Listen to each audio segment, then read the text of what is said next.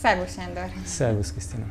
Bár most csak te ülsz itt velem, de ez abszolút egy családi vállalkozás, amennyire én tudom, a Zenebona Társulat, ugye a kedves feleségeddel csináljátok elsősorban az együttest, vagy ti alkotjátok így ketten. Népi hagyományőrzéstől kezdve a bohóc jelmez, a március 15-i huszárkodás, minden megtalálható a repertoárotokban. Mi, mi mindennel készültek még a gyerekeknek? Hát mindaz, ami leköti őket elsősorban, de azért igyekszünk kapcsolódni azokhoz a mm, jeles napokhoz és azoknak a témáihoz, és ezért található meg ilyen sokszínű a paletta. Természetesen mindezt olyan formában, hogy ami leköti őket, ami inspirálja őket, ami élményt nyújt nekik. Tehát a március 15-én sem a történelmi dátumokról szól, hanem, hanem arról, a, arról az élményről, hogy megszólal egy kürt, vagy meglátnak testközelből egy kardot, vagy egy felöltözött huszájjelmezbe öltözött Sándor legényt, akkor Sándor legény vagyok, de ugyanez, a, ugyanez igaz a bohócra is, tehát egy közvetlen, egy interaktív formában jelenik meg minden esetben, tehát vagy a népire, ahol szintén a, a Sándor legény ként jelenik meg. Könnyű a gyerekek fejével gondolkozni, hogy mi lehet nekik érdekes? Abszolút, abszolút, abszolút. Szeretem őket, mert, mert hát az első, első időben ez volt a félelmem egyébként, hogy hogy fognak tudni elfogadni. De rögtön úgy, úgy, úgy sikerült belopni magunkat és magamat a, a szívükbe, megtalálni a közös hangot, és innentől fogva teljesen mindegy, hogy kívülről hogy nézek ki. Ez a szeretett kapcsolat, vagy áramlás, vagy az, az elfogadás, ami megjelenik a bármelyik előadásban, illetve az érdekes dolgok, azok, azok lekötik őket, akár, akár hol is vagyunk, az országban vagy a határon túl. Ja, amikor megnéztem, hogy Bóc jelmezbe is öltöztök, akkor eszembe jutott így saját tapasztalatból is, hogy a bohócnak az egész jelleme azért nagyon megosztó az, hogy azt pozitívnak, vagy negatívnak, félelmetesnek, vagy, vagy vidámnak éljük-e meg. Mi szokott a visszajelzés lenni? Hát elsősorban a félelem, azután pedig, amit szintén kezelni kell egy bohócnak, és hát óriási megtiszteltetés, amikor, amikor egy gyerek életében én vagyok az első bohóc, akivel találkozik. Tehát azért ez egy óriási felelősség egyben. Mert ez meghatározza az egész életét, mondhat, mondhatjuk ezt. A második dolog, amit, amit kezelni kell, az pedig, a, a, az pedig a, most bocsánat a szóért, de hogy hülyének nézik. És, és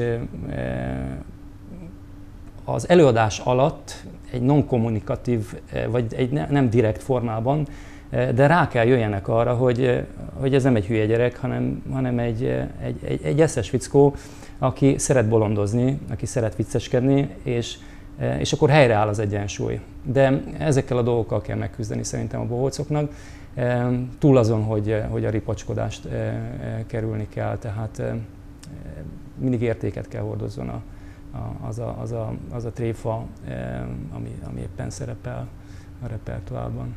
Ugye ti használtok egy ilyen különleges báb technikát is. Igazából nagyon sok mindent használtok, amivel feldobjátok az előadásokat, tehát így végig se tudtam olvasni azt a számos eszközt, amivel, meg hangszert, amivel itt dolgoztak a feleségeddel. Hogy találtátok ki, hogy mennyi mindennel színesítsétek ezeket a műsorokat? Hát nézelődtünk. Egyébként nem vagyunk csak amatőr színészek, meg én magam sem vagyok zenés sem, tehát még ezt se lehet mondani. Ő, ő végzett zenész, de abból indultunk ki, ami, ami bennünket érdekel, illetve érdekelt gyerekkorunkban, meg amit úgy gondolunk, hogy a gyerekeket érdekli, és, és hogy legyen változatos. Tehát, hogy ne csak zenéről szóljon, ne csak bábozásról szóljon, eh, ne csak színjátszásról szóljon, hanem mindezeknek a, a, az egyvelegével eh, találkozzanak a gyerekek, és, és ebbe a, változatos, ebbe, ebbe a változatossággal lehet találkozni minden, egyik, minden egyes előadásban. Tehát az eszközök, különleges eszközök, eh, különleges módszer.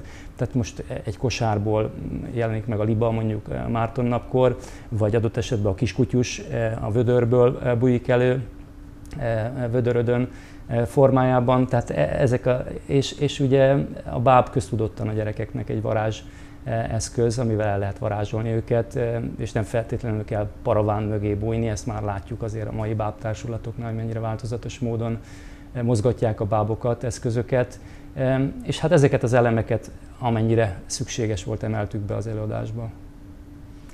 És hogy kezdtétek el mindezt? Most visszakanyarodva kicsit a bohóchoz, hogy így egyszer azt mondták neked, hogy Sándor, ne bohóckodj, és te így azt mondtad, hogy de már pedig én azért Isten, hogy túl komolyan vetted a kérést. Nem.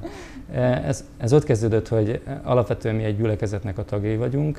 Én, én magam lelkipásztor vagyok, teológus, és emellett pedig én már 30 éve a zenei csoportot vezetem részben gyülekezeten belül. Tehát az Isten tiszteleteknek a zenei, és, és itt nem orgonára, hanem egy könnyű zenei formában megjelenő zenére kell gondolni. És ugye a jeles nap az egyik legjelesebb nap a karácsony és a baptista szeretett szolgálattól, illetve a különböző missziós társulatok, társaságoktól, Kelet-Európa Misszió Alapítványtól, mivel a kapcsolat megvolt, és zenészek vagyunk, hát, hát valamit, mikor átadjuk nekik ezt a cipős doboz ajándékot, amit még annak idején a repülők hoztak Nyugat-Európából, amikor elkezdtük, és több száz gyereknek ki kellett osztani, nagy családosok egyesületét meg volt hívva, tele volt az egész művház. Szóval ne csak egy ilyen nesze neked fog meg jól, mert annak is örülnek a gyerekek, de hogy valami élményt is tudjunk nekik adni, és hát a zene, mint eszköz, a másik pedig az evangéliumnak az átadására is szolgáljon. Na ezt kellett úgy, úgy becsomagolni, és akkor változtunk át. Hát voltam én indián nagyfőnök eh, annak idején, eh, és akkor egy másik srác eh, volt a bohóc, eh, és közben pedig, eh, közben pedig eh, különböző nyári rendezvényeken, ahol szintén le kell kötni a gyerekeket, és akkor ezek az eszközök eh, alkalmasak eh, akármilyen értékrend átadására. Tehát az a lényeg, hogy érdekessé tegyük a gyerekeknek. Aztán, hogy mit, mit közvetít, az egy másik kérdés. Nagyon szép a munkátok, és sok sikert. Köszönöm Köszönjük szépen. szépen.